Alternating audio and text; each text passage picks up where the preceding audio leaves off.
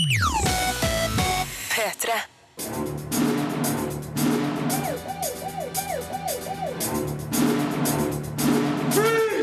Filmpolitiet! What's your name, dude? Birger Vestmo. What kind of stupid name is that? Er du klar? Jeg er klar i hvert fall. To herlige timer med film, spill og serier ligger foran oss her på P3. Det jo tre av livets beste ting, det. I dag anmeldes det her. Filmen Nerve tar internettliv og delekultur på kornet. Serien OJ Made in America er en bauta innen true crime-sjangeren. Cave er en spennende og klaustrofobisk grottethriller. Det nye spillet i Deus X-serien byr på lite nytt, men er fortsatt god underholdning. Dokumentarfilmen Magnus gir et interessant bilde av verdens beste sjakkspiller, Magnus Carlsen. Ben Hur er et sjelløst spetakkel og en unødvendig remake. Og den svenske krimkomiserien Swedish Dicks er slappe greier. Du får òg møte regissøren av dokumentaren Magnus. Han heter Benjamin Ree og skal fortelle hvordan han fikk innpass hos sjakkgeniet. Filmpolitiet anmelder film. Welcome to Nerve, a game like Truth or Dare minus the truth. Filmer som makter å fange tidsånden, har et stort fortrinn. Det er nettopp det som gjør Nerve til en interessant film. Den tar unge menneskers internettliv og delekultur på kornet, og bruker det som sjølve drivkrafta i en spennende og underholdende historie. Gode prestasjoner fra Emma Roberts og Dave Franco sikrer det menneskelige aspektet, mens regissørene Henry Joost og Ariel Schumann syr sammen en historie som syder av energi og aktivitet. Avslutningens troverdighet kan nok diskuteres, men Nerve er så godt spilt og regissert at den holder høy kvalitet hele veien til rulleteksten. It's cool, right? This looks very sketchy. Is this legal? Vi møter 17 år gamle Vi, spilt av Emma Roberts, som blir lokka til å prøve internettspillet Nerve, der hun blir sendt ut i New Yorks gata for å takle ulike utfordringer mot fristende pengepremier. Hun blir raskt kobla til en annen spiller, Ian, spilt av Dave Franco. Sammen må de ta stadig større sjanser i spillet, som etter hvert blir både på kanten av loven og direkte farlig. Selve spillet i filmen fremstår på en troverdig måte. Dette er noe som faktisk kun har eksistert hvis man lar enkelte fantasifulle elementer passere. Figurene i filmen kan velge mellom å være watchers eller players. Følgerne betaler en abonnementsavgift for å følge spillerne, som på sin side spiller om pengepremier som er finansiert av følgerne. Måten spillerne følges på, med aktiv deling via mobiltelefoner, er både troverdig og sannsynlig, sjøl om historien krever en i overkant tilstedeværende brukergruppe for å kunne fungere optimalt. Bak teknologien greier filmen også å formidle noe om hva våre nettbaserte liv gjør med menneskelig interaksjon og samhandling. Vi ser hvordan Vis vennskap til Sydney, spilt av Emily Mead, som også spiller Nerve, påvirkes i negativ retning med korte lunter og krasse reaksjoner. Det er òg merkbart hvordan følgernes kollektive avgjørelser er prega av en manglende forståelse for at spillerne er virkelige mennesker. Vanlig skikk og bruk har lett for å forsvinne i digitale omgivelser, noe som får følger også i Nerve. My wallet, my clothes, everything's gone. No, my stuff is gone too. Regissørene Henry Joost og Ariel Schumann bader denne historien i lekre neonfarger og et eklektisk musikkvalg som spenner fra Mø til Wu-Tang Clan til Roy Orbison. Det er med på å gjøre Nerve til en frisk og fremoverlent tech-thriller. Man kan selvsagt diskutere hvorvidt siste akt holder hva de forutgående bygger opp til, men du må nesten se filmen sjøl for å finne ut hvorfor, og om du liker det. Når det er så sprekt, aktuelt og tidsriktig som det her, er det uansett veldig enkelt for meg å gi en like til Nerve. What happens if I bail? You lose everything. Terningkast fem. Dokumentarserien OJ Made in America går nå på NRK TV. Og um, før vi forteller hvorfor det her er en uh, god serie, Sigurd Vik, så må vi kanskje forklare for de yngste hvem OJ Simpson er. Ja, sånn Kjendisstatuen til OJ Simpson i USA på 60-, 70-, 80- og 90-tallet spesielt, det er litt som om du kanskje merger Messi, Zlatan, Petter Northug og Beyoncé sammen. Han var en utrolig eh, berømt idrettspersonlighet der borte, og en av de første svarte som på en måte ble en internasjonal stjerne med egen Han var liksom superstjerne i reklamefilmer, han var skuespiller etter hvert, spilte i Mann med nakne pistol, mange som husker her i Norge, hvor han var litt sånn funny sidekick til Leslie Nielsen. Han var rett og slett bare en superkjendis. Men i 1994 så ble han arrestert eh, mistenkt for mordet på hans ekskone og hennes venn. Det ble han. Og det er det serien handler om, men ikke bare det. Nei, for det her er eh, en utrolig grundig og kompleks serie på fem ganger en og en halv time i episodene, som både tar for seg den, altså den veldig interessante historien om OJ Simpson. Han er den røde tråden her. Han bygges opp, man skjønner på en måte det egoet han får etter hvert, som kanskje gjør at han kan ha tippa over og begynt å eh, se på seg sjøl litt merkelig. Men det er også en true crime som tar for seg hvordan rettssystemet endte opp der, for det her er jo en veldig kontroversiell rettssak, hvor OJ Simpson ender opp med å bli frifunnet, men det som blir det store momentet i denne rettssaken, er rase. Og øh, det her er en øh, serie som da tar for seg hvordan Los Angeles var som by i etterkrigstida. Veldig mange overgrep mot svartes rettssikkerhet, spesielt Rodney King-saken, som veldig mange husker, hvor en øh, svart mann ble banka av politiet. Altså, alt det her bygges inn i den serien, så den klarer både å gi en personlig historie og et spennende rettsdrama, samtidig som den gir utrolig fylde og kompleksitet til bildet. Og det her vet jeg du syns er fantastisk bra, Sigurd. Det gjør jeg fordi det er så utrolig mye gevinst å få, da, fordi du kjenner historia. Det er ikke noe nytt i historia her, selv om eh, OJ har gjort en del rare ting etter 94 også, som absolutt er verdt å få med seg i siste episoden. Men det er det at du får en sånn eh, belønning fordi du vet hvorfor det er så sterkt for dem som sitter her og sier. Det er ei av jurymedlemmene, blant annet, og nå kommer det en liten spoiler, som sier ja, det var hevn for Rodney King.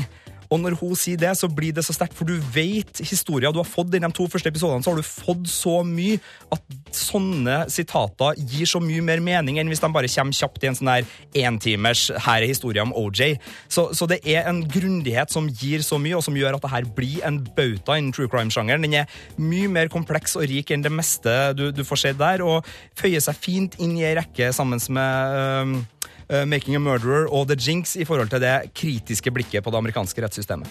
OJ, Made in America, er tilgjengelig nå på NRK TV, og du, Sigurd Vik, gir da rett og slett Terningkast seks. Filmpolitiet anmelder film.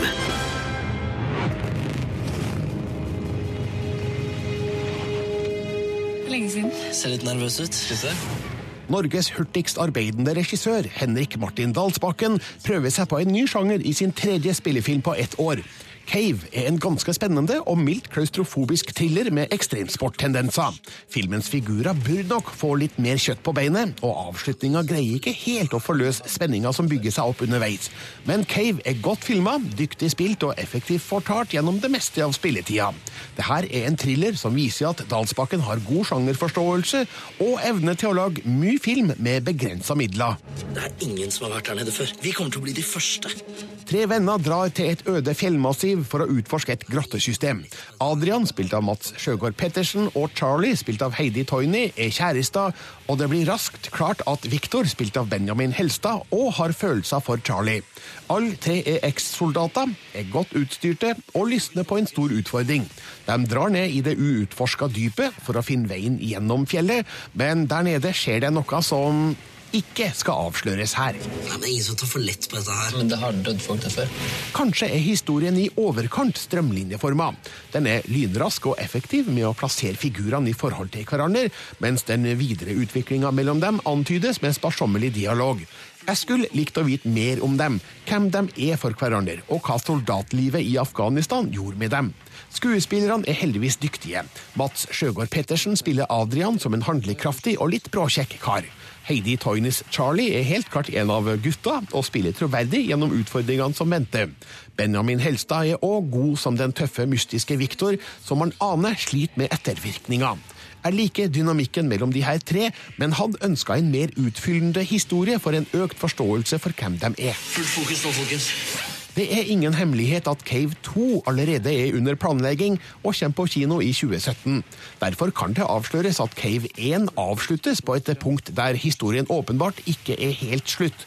Jeg syns ikke det gjør så mye, for inntil da har Henrik Martin Dalsbakkens film underholdt meg tilstrekkelig med en god dose spenning, skummel klaustrofobi og en gjennomgående uggen atmosfære. Det ser ut som det er folk her. Terningkast fire. Filmpolitiet anmelder spill. Something big is brewing, and I need to cut it off at the source. They manipulated the dawn of Human 2.0, made it dangerous, made me. I'm going to use every advantage I have to stop them.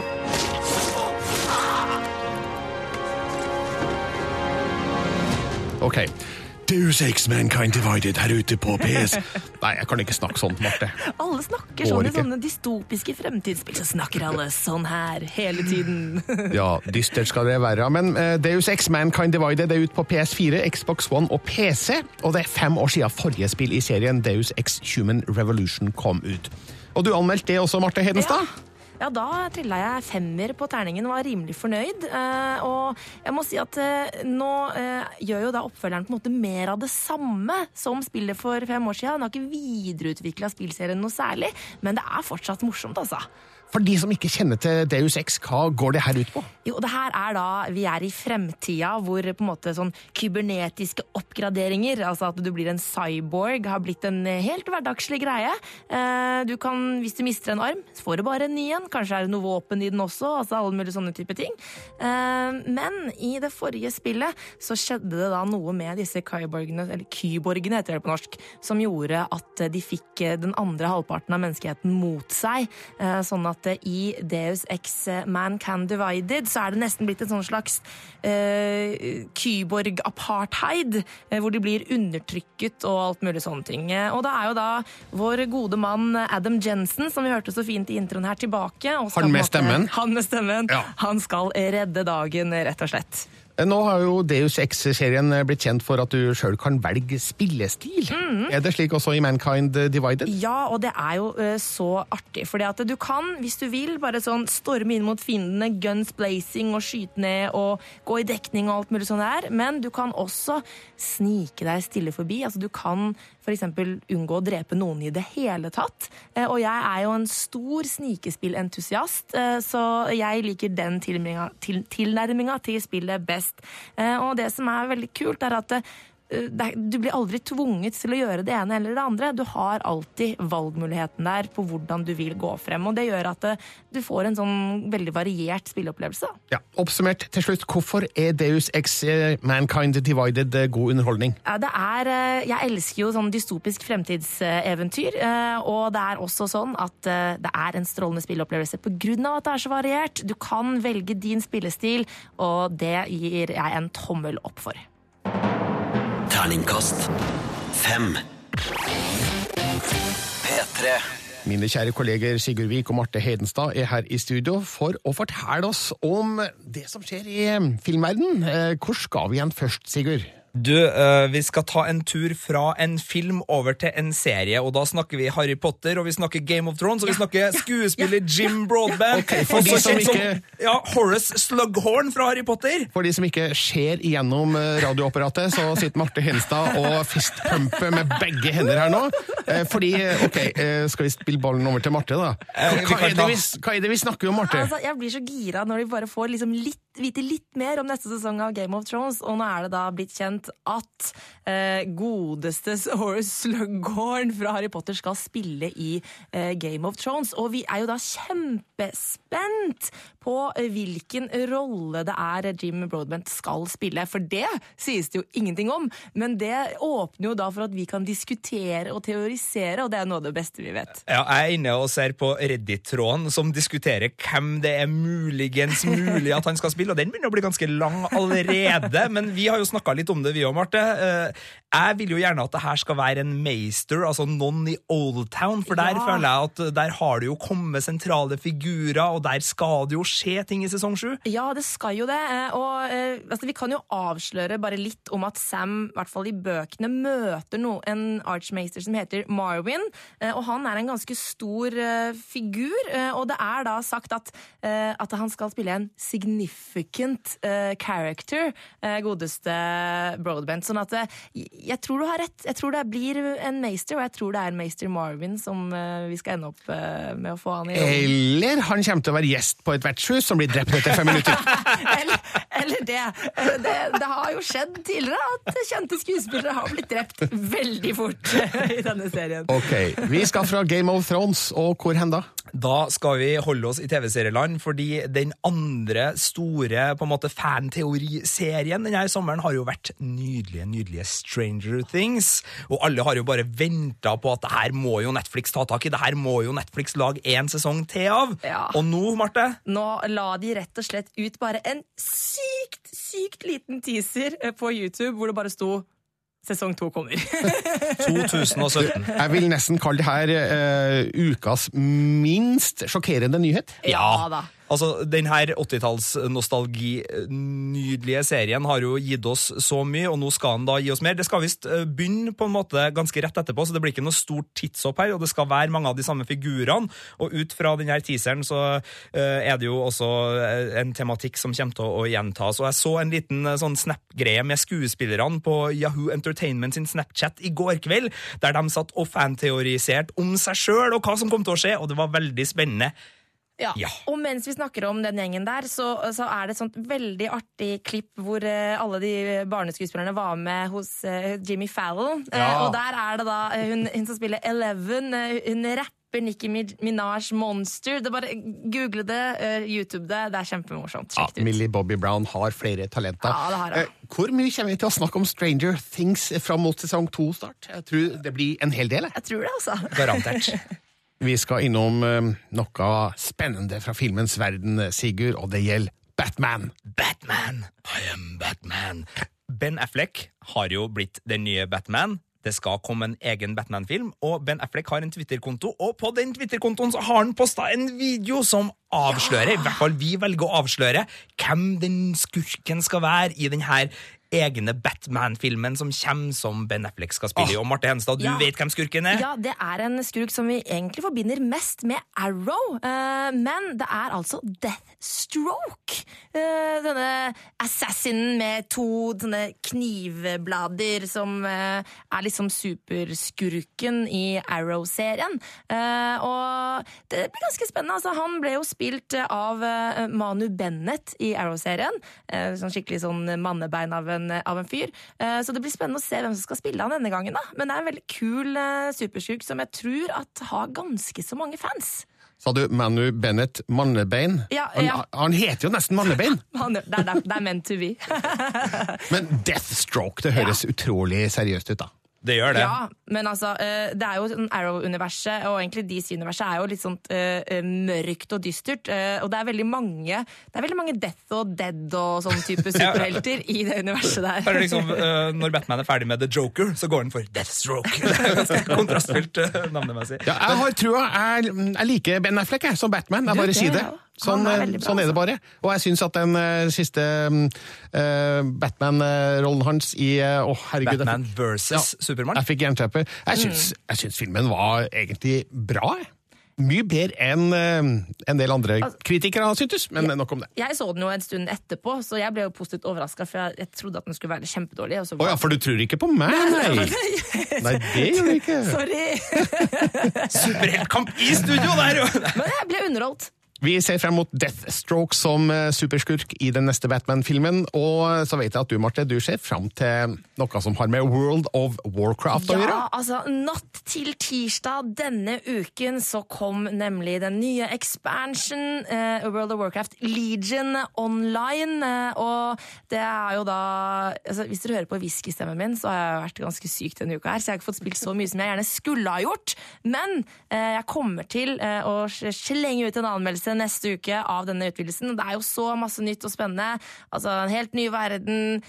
Det er nye leveler. Sigurd, du rekker opp hånda. Hva er det du prøver å si? Jeg så på Snap-storiesen til Marte Hennestad i uka som har gått, Ja, det og det var et loading-problem av en annen verden, Ja. så det ut som. Det er det jo alltid ved launch. Eh, eh, du blir kasta ut, og du må vente i timevis i kø. Eh, men Du så så sur ut! Ja, var du var så sur! sur. Det- Syk og sur! Men det som var det verste, var at da klokka liksom ble tolv natt, natt til tirsdag, så, så gikk det greit i starten, og så, men så kom det et sånt eh, lag-problem etter hvert, hvor det begynte å hakke noe inn i hel... Veldig voldsomt, beklager. Ja. Mm. Eh, og at da man ble disconnecta igjen. Trenger du ny PC, Marte?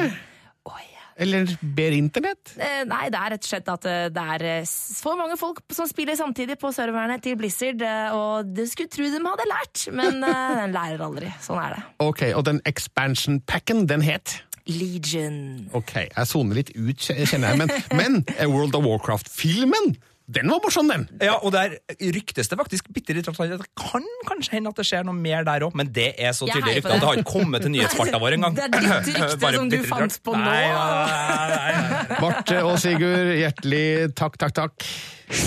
Filmpolitiet anmelder film. He did have some special traits quite early on. Jeg tar ofte avgjørelser på intuisjon. Gary Kasparov was ranked number one in the world. This boy had a hell of a talent. Det er unektelig veldig spennende å få bli med bak kulissene og oppleve Magnus Carlsen på nært hold. Dokumentarfilmen Magnus gir oss et bilde av hvem han er, hvordan sjakktalentet ble oppdaga og utvikla, og vi får innsikt i hans tilnærming til spillet i dag. Det er merkbart at det går en grense for hvor nært regissør Benjamin Ree har fått komme innpå han. Carlsen holder visse kort tett til brystet. Men Magnus er likevel en svært interessant film, som gir oss ny innsikt i hvordan hovedpersonen ble verdens beste sjakkspiller. Jeg håper på å bli verdensmester. Magnus Carlsens karriere har vært behørig dekka i media omtrent fra starten, og filmen syr sammen mange arkivklipp for å fortelle denne historien. Det store varpet i at Benjamin Ree har fått tilgang til private opptak fra Carlsens oppvekst, samt faren Henrik som hovedforteller. Det gir oss en økt forståelse av omstendighetene rundt hans sensasjonelle karriere, og et innblikk i hva slags gutt som ble til denne mannen. The lonely part about being a chess player is, is really all up to you. At least that's the way I feel. Dokumentaren viser hvor viktig familien er for Magnus, og gir dem på en måte litt av æren for hvordan han gjorde comeback etter de første vanskelige rundene i VM-kampen mot Vishy Anand i 2013. Filmen gir gode situasjonsbilder på kaoset rundt VM-hysteriet i Chennai i India, der Carlsen blir geleida gjennom pågående og nærgående journalister og sjakkfans. Lydmiksen er høy og enerverende, og klippinga er med på å skape inntrykket av kaoset. Vi vet alle hvordan det her endte, men det er likevel spennende å gjenoppleve filmens resymé av forløpet. Magnus Carlsen, this is his first World Championship match. Magnus Carlsen sier sjøl i denne filmen at han holder sine indre demoner for seg sjøl. At det er enklere å skjule dem enn å dele dem. Når en vond mobbesak kommer opp, er det den unge Magnus som kommenterer det. Den voksne sier ingenting. Og filmskaperne styrer høflig unna spørsmål av privat karakter.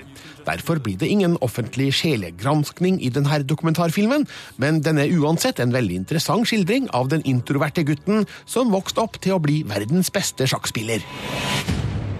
This is not going to be easy. Terningkast fem. Les mer om film, spill og serier på p3.no Filmpolitiet. Regissør Benjamin Ree er mannen som har hatt den unike tilgangen til Magnus de siste tre åra, og han kan fortelle til Sigurd Vik at det var et ganske nervøst møte første gang han skulle hilse på sjakkgeniet.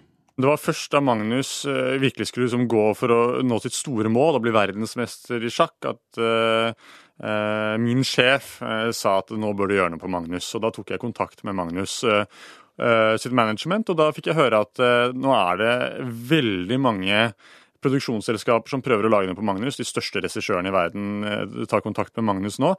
Eh, Men de kunne la meg lage en femminutters kortfilm da, som skulle være på engelsk, sånn at den også kunne vises i, eh, i India.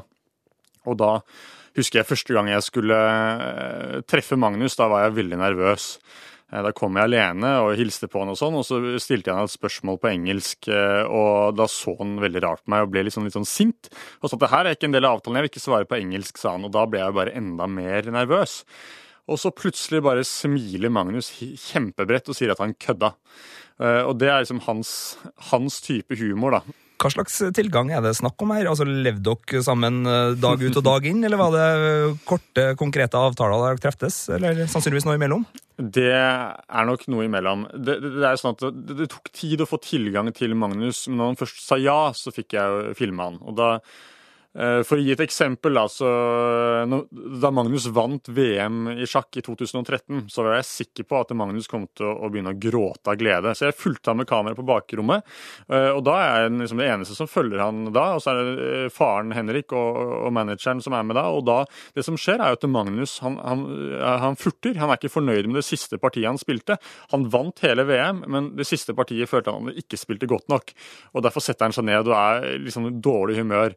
Og Så går det litt tid, og så kommer han i bedre og bedre humør og skjønner hva han har oppnådd, og så smiler han og blir kasta i bassenget og jubler. Så jeg har vært med på baksiden, eh, bak kulissene. Eh, det har jo selvfølgelig vært eh, situasjoner også hvor det har vært vanskelig å, å få være med Magnus. For han, eh, han trenger også ro til å være alene. Men når han har sagt ja, så har jeg fått vært med. Eh, føler jeg har fått veldig god tilgang til han. I forhold til privatliv, eh, var det ei grense som eh, på en måte man merka der, eller eh, var dere såpass enige om hva prosjektet var at det ikke var noe man nærma seg? Jeg tror det allerede finnes en grense hos Magnus, og han sier jo selv i filmen også at det er veldig mye han ikke deler med noen overhodet. Og det gjelder også hans nærmeste venner og familie.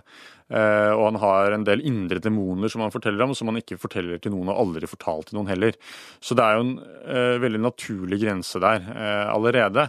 Men vi snakket jo hele veien om hva slags prosjekt dette skulle bli, og, og, og i hver enkelt eh, situasjon jeg filmet, så, så snakket vi om hva som var meningen med dette. Hvorfor er det viktig at Magnus snakker om det å være ensom, og, og at det forfulgte han i hverdagslivet. Da. Så, så det hadde vi en gjensidig forståelse for, at det var viktig at dette her skulle bli en film om mennesket Magnus Carlsen. Din visjon for prosjektet og, og deres, altså nå snakker jeg ikke bare Magnus, men, men på en måte Magnus og teamet rundt, eh, hvordan var forholdet mellom de to visjonene underveis?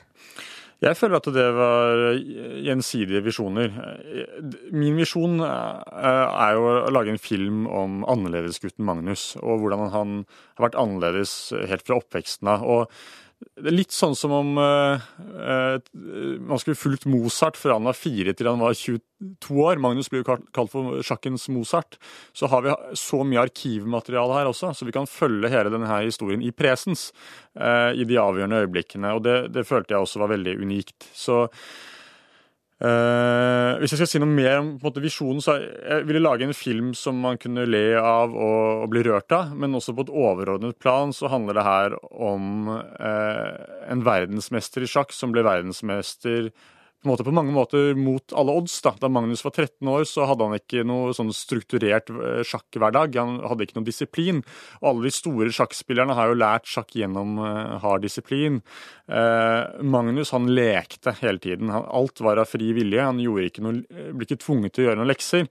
Så han har en helt sånn kreativ, intuitiv tilnærming til sjakk. og Foreldrene til Magnus fikk jo høre da Magnus var 13 år at uh, dere vil kaste bort et stort talent her hvis dere ikke gir den gutten mer disiplin.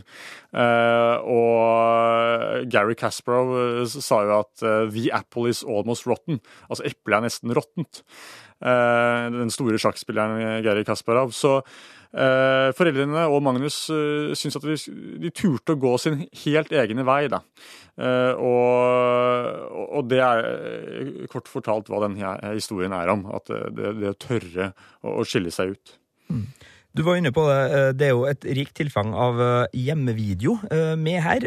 Hvor kom den fra, og, hvordan har på en måte jobben din vært i forhold til å, forholde deg til det materialet som jeg regner med er omfattende? Det har vært en lang, lang prosess. og Jeg mener jo at vi er i dokumentarens gullalder i dag fordi vi filmer så mye i dag. Og hvis du spør en hvilken som helst person, så vil du mest sannsynlig finne opptak fra personen, han eller hun, er fire, fem, seks år. For familiemedlemmer har filmet. Og i Magnus Carlsens tilfelle så var det tanta til Magnus som hadde filmet han veldig mye da Magnus var fra fire til seks år. Og det var opptak jeg ikke visste fantes, og hun visste det ikke selv, faktisk. Jeg fikk sånne gamle High 8-kassetter som jeg dro til Nederland med for å digitalisere. Og da så jeg at det var filmet mye, og det var ikke bare filmet mye, men det var filmet veldig bra også. Hun hadde observert Magnus som den introverte gutten han var i fireårsalderen, som satt for seg selv mens de andre hadde bursdag. Uh, og så hadde vi også mye opptak fra en av produsentene på prosjektet, Øyvind Asbjørnsen, som filmet Magnus i 2004. Uh, så eh, vi hadde ikke laget en kinofilm med mindre vi hadde hatt så stort tilfang av godt arkivmateriale. Altså, Faren til Magnus blir en, en fortellerstemme som er med oss egentlig gjennom det hele. Hvorfor endte du opp med at han blir et slags bærende fortellende element? Tidlig i filmen så valgte vi at vi ville fortelle den her kronologisk. Noe av det som var spesielt med denne historien, er at eh, vi har så mye opptak fra hele oppveksten til Magnus. Vanligvis på kjente personer så er det veldig mye snakkende hoder, folk som forteller om ting som har skjedd. Her kunne vi være til stede i de avgjørende øyeblikkene. Og for å liksom få en dypere forståelse for hvordan Magnus var, så trengte vi å få et annet eh, fortellerperspektiv enn det Magnus hadde selv. Fordi det er vanskelig for Magnus å fortelle om seg selv som fireåring. Eh, og moren til Magnus ville ikke stille opp. Eh, hun har ikke vært så veldig mye i media, og det forstår jeg, og det kan jeg respektere. Henrik Karlsen ville stille opp. og det som skjedde da, eh, da vi la på hans uh, fortellerstemme og hans blikk Det er jo på en måte hans fortellerperspektiv vi har veldig mye av filmen. Så åpnet det seg opp mange flere emosjoner. Vi forsto Magnus bedre, og det ble identifiserbart, da, den far-sønn-relasjonen i filmen. Du nevnte jo at du har snakka med en, en, god del andre òg. Det er jo andre intervjuobjekt enn bare Karlsen-familien som, som, dukker opp. òg. hvem snakka du med, og hva var på en måte det, det mest interessante med å, å, snakke med de rundt i, i sjakkmiljøet? Jeg syns det var veldig interessant å snakke med de rundt i sjakkmiljøet, øh, hvor de prøvde å forstå hvorfor Magnus har blitt et så stort geni, da, sjakkgeni. Hvorfor han har blitt så god. For det er veldig få som helt klarer å forklare det. Fordi Magnus har hatt en helt annen strategi og framgangsmåte til å bli god i sjakk enn alle de store sjakkspillerne i historien. Øh, og det er et stort mysterium for veldig mange. Og en av på en måte de store, store sjakkekspertene, øh, som heter Fred Fredrik eh, Friedel han sier jo det at han kan ikke skjønne hvorfor Magnus har blitt så god. Han, han sammenligner med at det er om noen skulle liksom klatret opp på Mount Everest i tennissko uten oksygen. Uh, og det var veldig mange tilbakemeldinger som det jeg fikk. Uh, både det at uh, Magnus som ung hadde en veldig sånn kreativ, intuitiv tilnærming til sjakk, og ikke hadde noen disiplin. Og måten han lærte sjakk på, var å ta opp en tilfeldig sjakkbok i bokhylla, åpne opp på en tilfeldig side, så lese litt, så lese Donald eller spille fotball mens han tenkte på sjakk.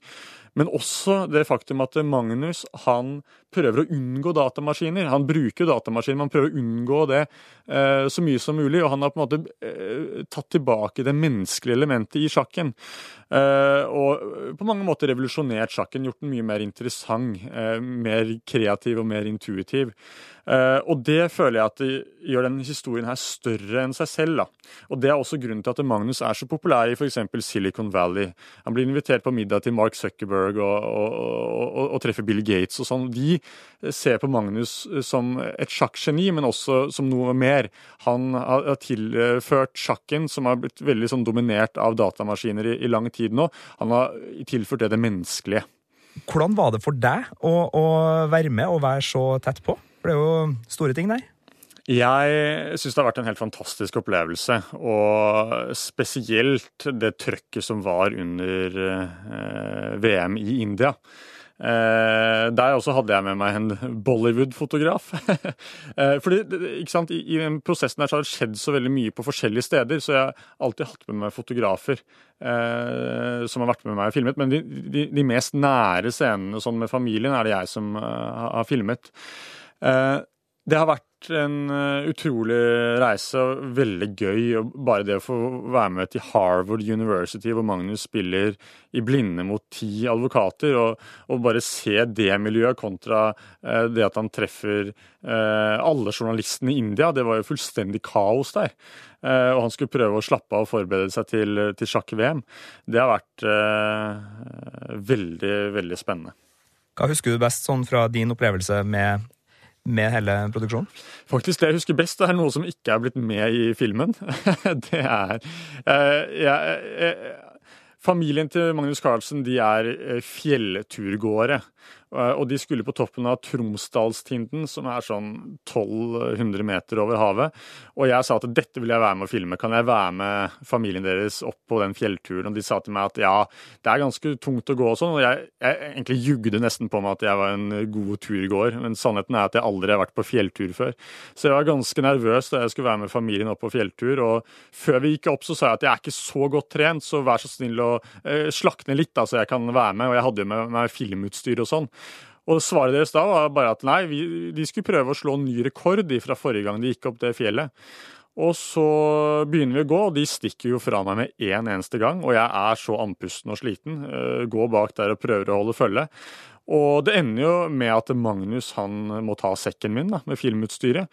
Og da tenker jeg at nå skal jeg klare å holde følge med dem. Men de bare eh, drar av gårde foran meg, og så ender jeg opp midt på veien opp på fjellet alene. Det er langt, langt opp på fjellet og langt, langt ned. Jeg ser ingen mennesker, og så er jeg bare så sulten. Og da kommer jeg på at all maten min ligger i sekken som Magnus bærer.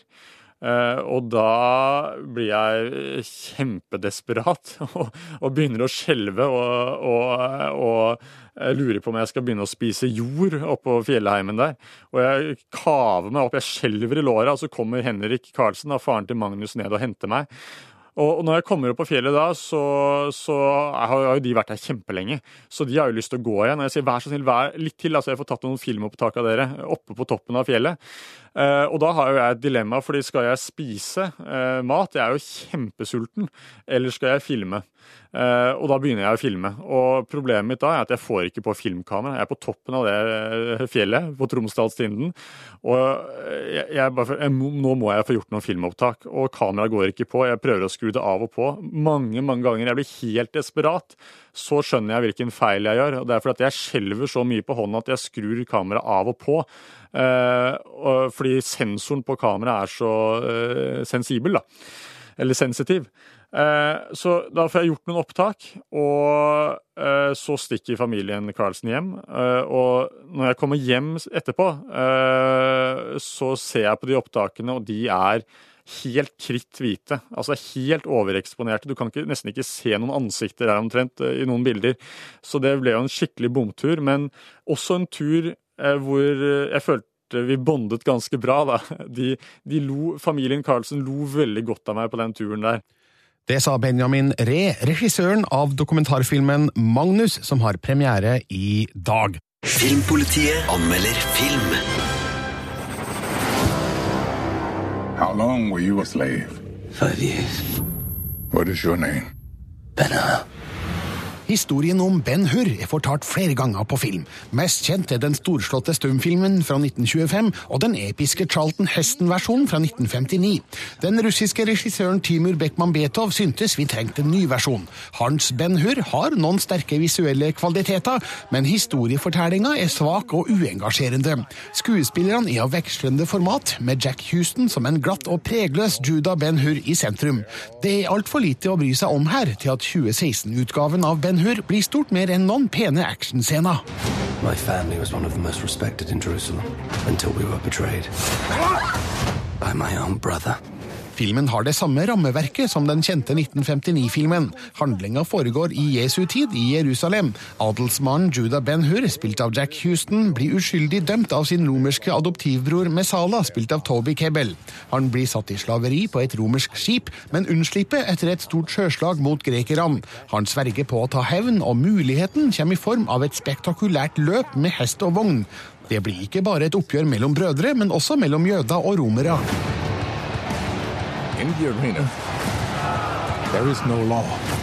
Ben Hur er to timer lang, men forsøker å presse inn en historie som egentlig er mye lenger. Derfor blir flere sekvenser fortalt veldig kjapt, uten pusterom og med dialog i nærmest stikkordsform. Filmen redigeres iblant for raskt for nyanserte følelser og stemninger. Figurene er veldig sinte, eller veldig glade, eller veldig redde. Sinnstilstander skrus av og på. Timur Beckman Betov er veldig god på det visuelle, men figurskildringa er nok ikke hans sterkeste felt. You know. Ben Hur anno 2016 er en svært ujevn filmopplevelse, der innholdet ikke holder et like sterkt nivå som det visuelle. Det gnistrer aldri i samspillet mellom Jack Houston og Toby Cable. Sjøl Morgan Freeman har en kjedelig dag på jobben som Ilderim, som òg er filmens unødvendige fortellerstemme. Det er kanskje modig av Timur Beckman Betov å tørre å lage en ny versjon av en film mange oppfatter som en klassiker, men Ben Hur forteller for mye historie på for kort tid, og har ikke skuespillere av den rette sorten til å levendegjøre figurene godt nok på lerretet. Det her er et sjelløst spetakkel som raskt vil glemmes. Should have stayed away.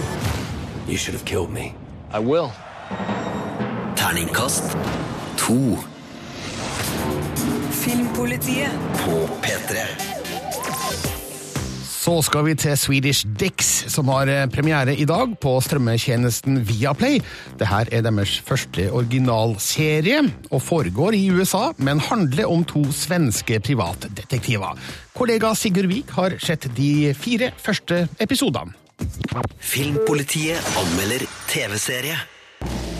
One of the downsides of being a private investigator, you make a lot of enemies. Det er mye å like med hovedingrediensene i Viaplays første originalserie, Swedish Dicks. Peter Stormare som rufsatt privatdetektiv, Keanu Reeves på gjesterollelista, gladvold, grov humor og en hang til absurd slapstick. Dessverre er ikke Swedish Dicks i nærheten av å imponere i sine fire første episoder. Mye av skuespillet halter, for mange av vitsene er fra billigste Ikea-hylle, og for ofte vet vi akkurat hva som blir sagt, før replikkene kommer.